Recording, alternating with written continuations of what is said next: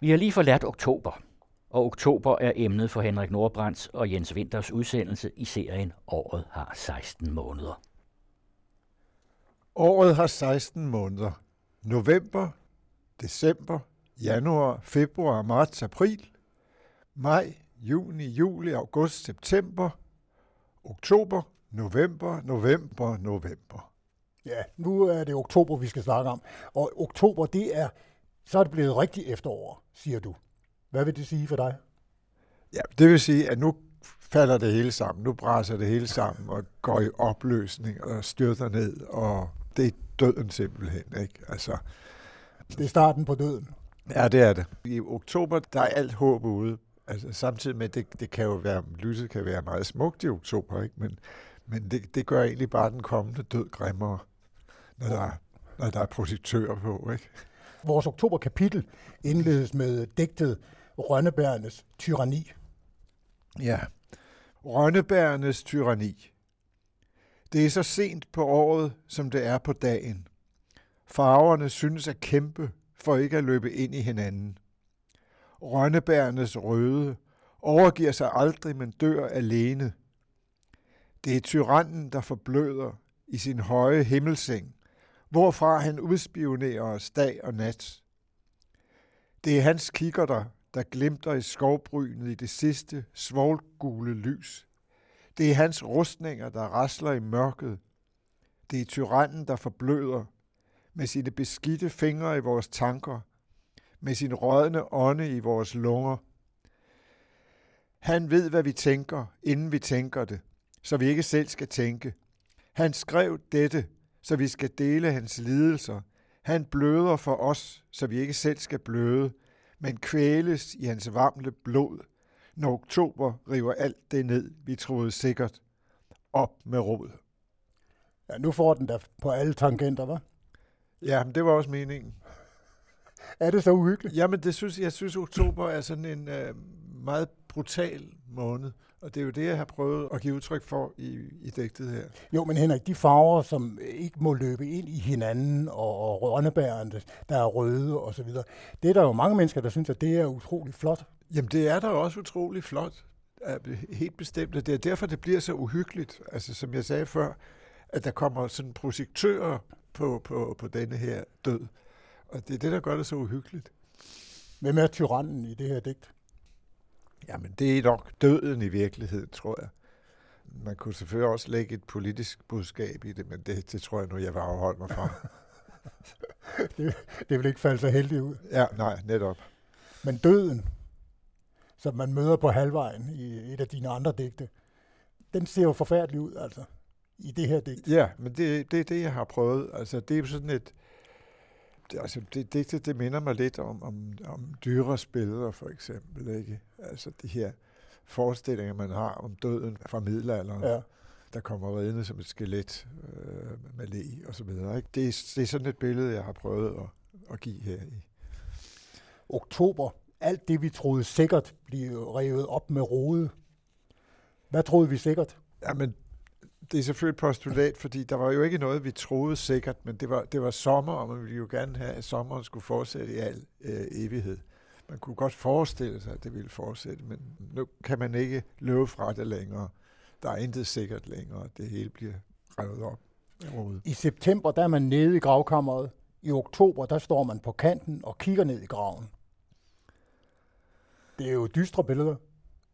Jamen det er det, men det er jo sådan, jeg oplever altså sensommeren og, og efteråret. Altså månederne er forskellige, september, oktober, november. Det, der, der, det er forskellige stadier af, af, af dødskamp. Men her, det er vel også stadier på livets vej, ikke? Jo, det er det selvfølgelig, men om, om efteråret går det under. Altså, så, så kommer genopstandelsen om foråret, det var ikke nok.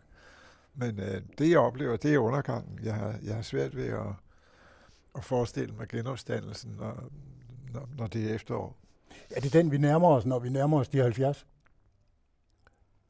Undergangen eller genopstandelsen? Undergangen. Undergangen, ja, det er det, men det, har ikke, det her har ikke meget med min alder at gøre, og min oplevelse af efteråret, den har ikke ændret sig meget, fordi jeg, jeg er blevet ældre.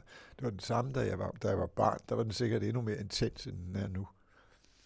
Så, så du synger ikke glad med på Nu falmer skoven trin om land? Nej, det, er- det er jo en meget smuk sang, den kan jeg godt lide. Men øh, det er ikke en sang, man kan øh, synge glad med på overhovedet ikke. Nej. Øh, jeg har det ligesom folk, der står på et skafot, har du sagt, og tilføjer. Jeg vil gerne have det overstået. Jamen, det er jo nok. Hvad er det, der skal overstås? Ja, det er jo altså, det, det er efteråret, der skal overstås, eller også det er måske også livet, der skal overstås. Men det må, mener jeg vel ikke helt bogstaveligt, fordi så kunne jeg jo bare begå selvmord, ikke? Ja, det er der ingen grund til. Nej, det er der masser af grunde til, men altså, nu har jeg ikke gjort det endnu, så... Okay. Et andet af dine efterårsdigte, det er Magritte i Malatya. Vil du ikke læse det? Jo. Et klaver er, når det bliver efterår, og fire mænd kommer og sætter det på et sted, hvor tonerne kan høres fra et hus på den anden side af floden. Floden er, når det bliver efterår, og dens vand bærer bladene bort, så man selv i klart vejr sjældent ser et helt spejlbillede af fuldmånen. Fuldmånen er, når fire mænd kommer og sætter klaver under den. Klaveret må gerne lyde falsk, og det er ligegyldigt, hvem der spiller. Så længe det er efterår, og floden bærer de gule blade længere bort. Bladene er gule, fordi de fire mænd får dem til at rasle, når de nærmer sig. De banner, mens de bakser med klaveret, der er lakeret blåt og dekoreret med blomsterkranse i sølv og guld. Mændene er iført hvide kitler og bowlerhatte. Hvad er det for et billede? Hvide kitler og bowlerhatte. Ja, men det er jo et Magritte-billede. Mm. Altså, det er jo derfor, det hedder Magritte i Malatya. Altså, Malatya er en by i Tyrkiet. Jeg ved ikke, hvad Magritte øh, laver der. I øvrigt har jeg aldrig selv været der, men det er nok på, på grund af, af, af ordenes klang, jeg har lavet ham optræde der. Og i det hele taget, digtet handler jo om farver og om, om klange. Altså, det er, er en... Det, det, det er jo så en, en meget æstetisk måde at se på efteråret og, og gøre det til et maleri for at, at komme ud over den der dødsoplevelse. Så det på sin vis kan man sige, at det her digt, det er ånden i det her digt, det er det modsatte af ånden i det digt, som jeg læste op lige før. Om rønnebærne. Ja, om rønnebærene. Det her, det, det er et fors, forsøg til at gøre det til noget æstetisk, så man, øh, så man kan overleve det.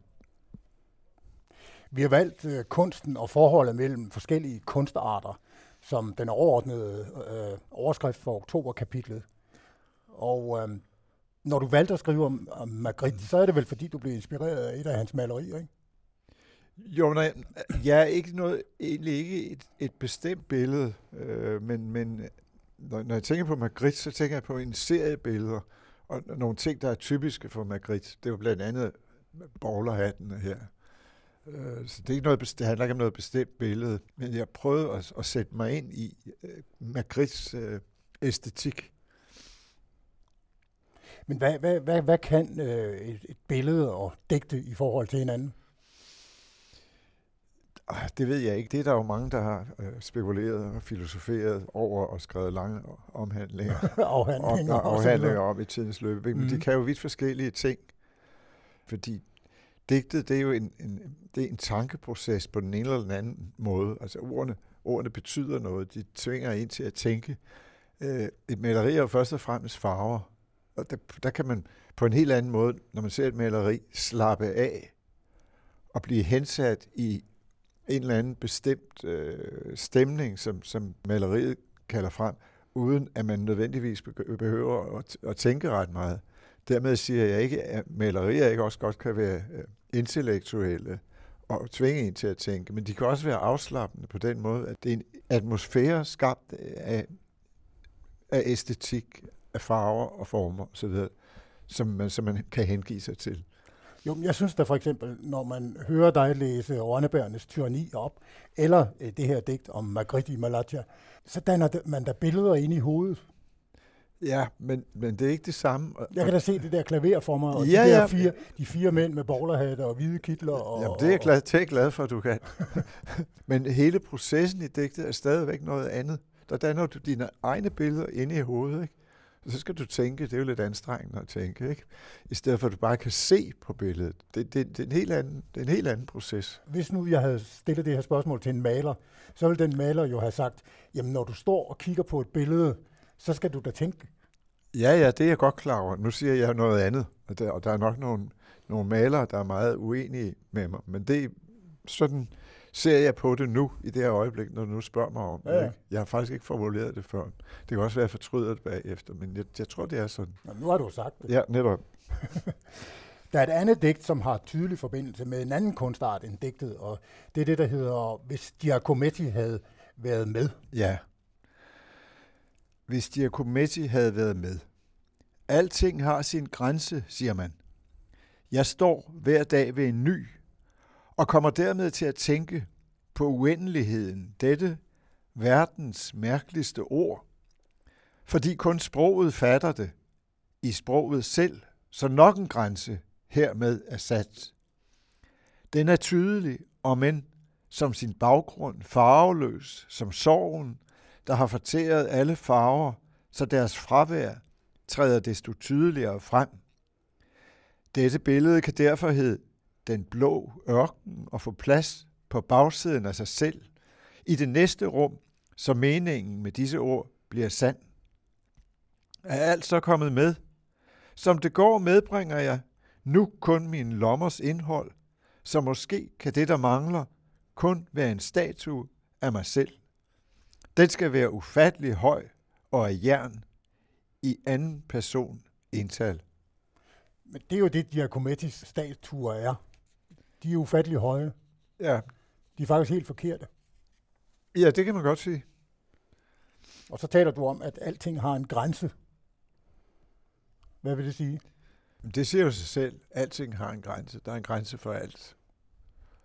Ja, Men det er det, det er også det, digtet handler om. Ja, det handler også om det grænseløse. Det handler også om det grænseløse, fordi i samme øjeblik, man begynder at tale om, at, at, at, at alting har en grænse, når man, i og med, at man taler om det, så tænker, forestiller man sig jo også grænseløsheden. Og det er jo der, modsætningen ligger. Altså det, det, det der underlige med, at, at, um, at man kan ikke forestille sig, at, at tiden varer evigt. Men man kan heller ikke forestille sig, at den varer op. At den holder op. Det samme gælder universet. Man kan ikke forestille sig, at universet er uendeligt. Men man kan heller ikke forestille sig, at den har en grænse, fordi hvad er der så derefter? Uh, altså, det er det fundamentalt mærkelige ved menneskets eksistens, at man ikke har nogen forklaring på de her begreber, og der sikkert aldrig kommer en forklaring. Dengang man troede på, at jorden var flad, der troede man jo på, at man gik ud til kanten, og så faldt man ned. Ja, men så har man jo også nok tænkt på, hvad der var efter den kant. Det kan folk jo ikke have undgået at tænke på. Så, så de, de må have stillet de samme spørgsmål dengang, med hvad angår grænser og grænseløshed og, og uendelighed og endelighed og så videre og så videre. Så jeg tror ikke, at øh, altså nu ved vi jo meget mere om universet, end man gjorde dengang, men, men, men det mærkelige er jo, at spørgsmålene er de samme i virkeligheden. De har ikke ændret sig? Det tror jeg ikke. Hvad betyder uendeligheden for dig? Jamen, den betyder ikke noget, fordi det, man kan ikke forestille sig Man kan prøve på at forestille sig men det kan man jo ikke alligevel. Men det er kunst, man kan beskrive uendeligheden. For man kan jo ikke i virkeligheden. Nej, men det kan man jo heller ikke i kunsten. Det, det tror jeg ikke. Man kan beskæftige sig med det, fordi det er så centralt i, i det menneskelige univers, den menneskelige tanke, det der med uendelighed. Men, men man kan jo ikke beskrive det ikke på nogen måde. Men vi omgås jo begrebet fuldstændig naturligt. Ja, det er også mærkeligt. Ja, det er da mærkeligt. Ja, det er mærkeligt, at ordet uendelighed eksisterer, eftersom vi ikke kan forestille os det. Jamen, det er fordi, når man har noget, der er endeligt, det vil sige øh, en defineret størrelse, så er man også nødt til at have det modsatte. Jamen det er klart, det, det, det, det, det må det være. Det, det, det er selvfølgelig sådan, at, at begrebet er opstået, og det findes vel øh, i alle sprog, i alle kulturer, vil jeg tro, selvom jeg ikke ved det med sikkerhed. Hvad bruger vi det til? Jamen, det, nu stiller du mig altså nogle, nogle meget dybe filosofiske spørgsmål, som jeg ikke er klog nok til at besvare. Der er sikkert øh, mange filosofer, der har øh, i hvert fald tilløb til nogle svar på det her. Altså du mener, de lader som om, de har svar på det ja, her? Ja, ja. Men det er ikke sikkert, de har det? Nej. Og du tror ikke rigtig på Nej, det? nej, men der er jo nogle filosofiske svar, der kun er et forsøg på svar, selvom man, selvom man godt ved, at de ikke er de endelige svar. Det kan man jo. Hvorfor hænger et begreb som uendeligheden sammen med Guds begrebet? Jamen, det gør det jo, fordi at man kan jo heller ikke fatte Gud. Altså, hvad, hvad er Gud? Og, og hvis, nu, hvis nu Gud har skabt verden, hvad har så skabt Gud? Altså, det er jo fuldstændig det samme. Det, det, det er den samme størrelse, som man, som man ikke kan forestille sig, og egentlig ikke, ikke kan tale om. Man prøver at tale om det. Ikke? Altså, Gud har skabt verden, siger man ifølge visse religioner. Gud har skabt hele universet. Ikke? Men hvem har så skabt Gud? Hvad var der før Gud?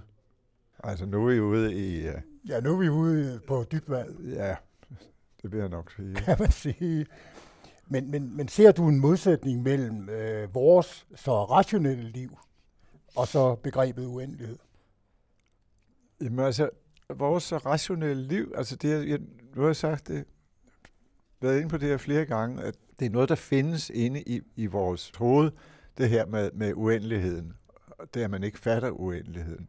Så det har jo ikke så meget at gøre med vores rationelle liv, den måde, vi, vi indretter samfundet på, og, og, gør, det, og gør det nemmere at, og, og, og bevæge sig på, og sætte sig ind i en bil og alt det her. Det, det, har jo ikke noget, det har jo ikke noget at gøre med de egentlige eksistentielle problemer, som, som hele tiden kører rundt i vores hoveder. Hvis nu vores liv var styret af ratio, altså af fornuften, så kunne uendeligheden vel ikke bruges til at overbevise os om øh, religiøse spørgsmål, for eksempel. Hvis vores liv... Hvad, Var, var styret af fornuften. jo, men der er jo mange fornuftige mennesker, som er religiøse. Altså, det ligesom, de har to hjerner. Altså, jeg forstår det ikke helt. Men, øh, men samtidig med, at de er fuldstændig rationelle, har en rationel forklaring på verden, så er de også religiøse, har den her irrationelle forklaring. Øh, så det, der er altså nogle mennesker, der kan få de to ting til at fungere sammen. Øh, det har jeg svært ved at forstå. Hvis man nu tænker tilbage på, øh, på fiskerne ved Vesterhavet, for eksempel, ja. ikke? Og, og Hans Kirks bø- bog, Ja, ja, ja, videre, ikke? Øh, så har du altså nogle mennesker, der lever en meget hård hverdag. Meget præget af, at man skal opføre sig fornuftigt. Og de har så brug for det religiøse. Ja, åbenbart. Altså, men altså, der er jo folk, der kan, hvad skal jeg sige, ligesom melde sig ind i en region, eller overbevise sig selv om, at tingene er, som øh, religionen siger, den er. Fordi så er alt inde i en, i en fast ramme. Og det, det fritager dem for at tænke videre end det. Og det, så- det kan selvfølgelig være en befrielse for nogen. Jeg tror, det må være sådan, det fungerer. Hvad bruger du som, øh, ikke hovedpude, men hvad bruger du som, som, som trøst, hvor Ja. andre bruger måske det religiøse Jamen, der er ikke nogen trøst. at hente? Nej, det tror jeg ikke. Det er, som det er. Altså, livet er, som det er. Det er der ikke så meget at gøre ved. Man kan kun prøve at lave lidt om på det, og gøre det nemmere at leve, og gøre det nemmere for sig selv og andre, og, og, og forsøge på at, at komme ubehagelige ting som, som vold og altså noget krig til livs. Ikke? Det, det er det eneste, man kan gøre. Hvorfor ændrer tingene sig ikke? Altså, er det vores medfødte dogenskab, der gør, at, øh, at vi ikke orker at, at, få tingene til at ændre sig? Jamen, nej, jeg tror ikke, det er dogenskab. Altså, dogenskab, det der, man skælder ud på dogenskaben, det er noget underligt noget. Jeg ved ikke, hvor det kommer fra, fordi hvad er der i vejen med at være dogen? Altså, tænk på, hvad menneskets flid har skabt af lort, som tager al vores tid, ikke? Biler og supermarkeder og, og alle mulige plastikdæmser. Det er jo en, en, en, en overdreven flid, der har skabt alt det her. Så dogen, dogenskaben skal man altså ikke skælde ud. Det synes jeg ikke. Jeg synes, dogenskaben er, er fornuftig. Så du vil gerne hylde dogenskaben. Ja, ærligt talt. Hvad har den ført med af gode ting? Jamen, den har jo ikke fået en chance. Dogenskaben er jo blevet kudet ned og tyranniseret Og lagt for had? og lagt for had, ikke? Ja, simpelthen. Blandt så meget andet, så hævder du, at dumheden den nedarves fra forældre til børn. For eksempel så bruger du Søren Kraup som eksempel. Hans datter sidder nu i Folketinget og forfægter de samme synspunkter, som faren Ja. gjorde, Ja. siger du. Ja, men det er, der, der er noget uhyggeligt ved, at, øh, at øh, folk bliver ligesom deres fædre, i hvert fald et, et patriarkalsk samfund. End- Endelig skal de gøre oprør, og så bliver de som tider modsat deres fædre. Det, og det kan så være lige så slemt i nogle tilfælde. Øh, Eller også så bliver de en tro kopi af deres fædre. Ikke? Og det gælder alle de samfund, jeg kender til. Ikke? Og det, jeg det synes, det er meget mærkeligt. Kunne de dog ikke blive bare lidt anderledes? Altså, eller modificeret udgaver af deres fædre. Ikke? Men det er som, at mange mennesker skal kopiere det tankesæt, som de er blevet indpudet med, fra de var små. Og, og de, de vil acceptere det, måske fordi det giver dem tryghed, måske fordi så føler de igen, at de er små babyer, som er, er beskyttet af, af den her verden, som den var, da de var ja, Det er drøm, drømmen om fostertilstanden. Ja, den, den ja, jeg, tror, jeg, tror det. jeg er ikke psykolog, vel, men jeg tror, det er sådan noget, der ligger bag det. Ellers kan jeg ikke forstå det. Hvorfor skulle man kunne acceptere et verdensbillede som det der snævre, sådan et snævert religiøst øh, verdensbillede med, du må det, og du må ikke det, og, og, og hvis du går ud og, og slår nogle hedninge ihjel, så, så ryger vi op i himlen og får 77 øh, jomfruer. Jeg læste, jeg læste en historie i en tyrkisk avis her forleden dag. Det var nogle af de der folk fra Kobani, som havde fanget en af de vanvittige øh, islamister, som så havde sagt, de ryger alle sammen i helvede, men jeg kommer op i himlen og får de der 77 jomfruer og så videre. Og de havde så beholdt ham i 24 timer, fordi de kunne ikke fatte, at han sad og, og sagde at det der vrøvl, men han blev ved og insisterede, og sagde, bare slå mig ihjel, fordi altså, jeg kommer op til, de, til alle jomfruerne. Så sagde jeg, da vi havde hørt på det der sludder i, i 24 timer, så sagde jeg, nu skal du sandelig også få lov til at få det, det ønske opfyldt. Og så, og så skød det ham en kugle gennem hovedet, selvfølgelig. Ikke? Og så slutter historien jo. Så slutter historien der. Ja, det gør den jo selvfølgelig. Ikke? En af de kunstarter, øh, vi også snakker om i oktoberkapitlet, det er teatret. Og det er en af de øh, kunstarter, som du absolut ikke øh, kan lide. I et af dine essays, der citerer du øh, digteren Ivan Malinowski for et udsagn om, at hvis et teaterstykke er godt, vil jeg helst ikke have det ødelagt af skuespillere. Og hvis det er dårligt, kan selv ikke verdens bedste skuespillere redde det.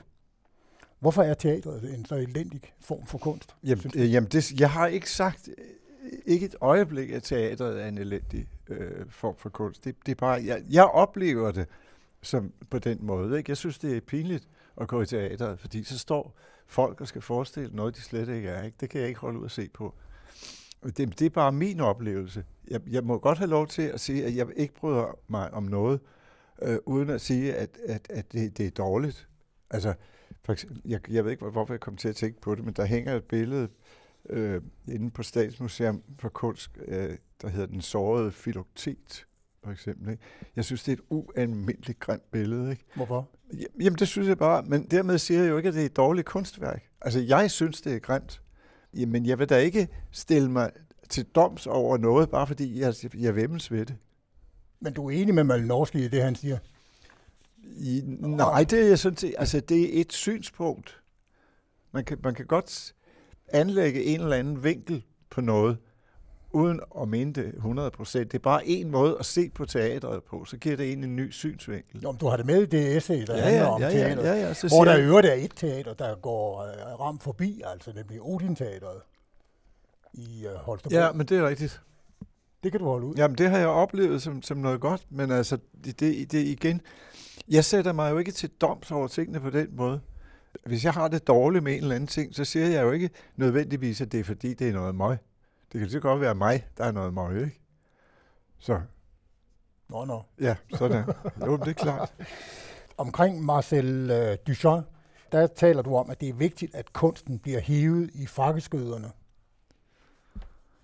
Har, har jeg, det har jeg, ord har jeg da ikke brugt, har jeg det? Jo, det, det, tror jeg, vi, det tror jeg, vi bruger i, uh, i bogen. Nå, men det kan godt være. Okay. Ja, altså, at, at kunsten bliver holdt på plads på en eller anden måde. Hvad vil det sige? Der er så meget fup øh, inden for kunsten, ikke? Altså, der, øh, nu kan jeg ikke huske, vi har jo talt om det her tidligere, men øh, jeg mener, der er, der, er en, der er en stor del af den moderne kunst, som er sådan en, en slags illusionskunst, som egentlig ikke er noget værd. Jeg skal nok ja. være med at spørge dig nu om, hvad der er god kunst, og hvad der ikke er god kunst. Nej, ja, det, det, det, nok... det vil nok føre for vidt. Ja. Uh, vi slutter kapitlet med uh, noget, som i hvert fald var stor kunst i middelalderen, nemlig uh, et digt om kalkmaleri. Kalkmaleri. Jeg var næsten faldet i søvn, da en sort følelse sprang ind mellem de hvide, der lige var begyndt at tage form. Den var voldsom som et jordskælv, men mere vedholdende. Alt stivnede, alt krakelerede. Mit liv blev til et kalkmaleri. Et tusindårigt fangenskab lå bag mig, da jeg igen kunne bevæge mig.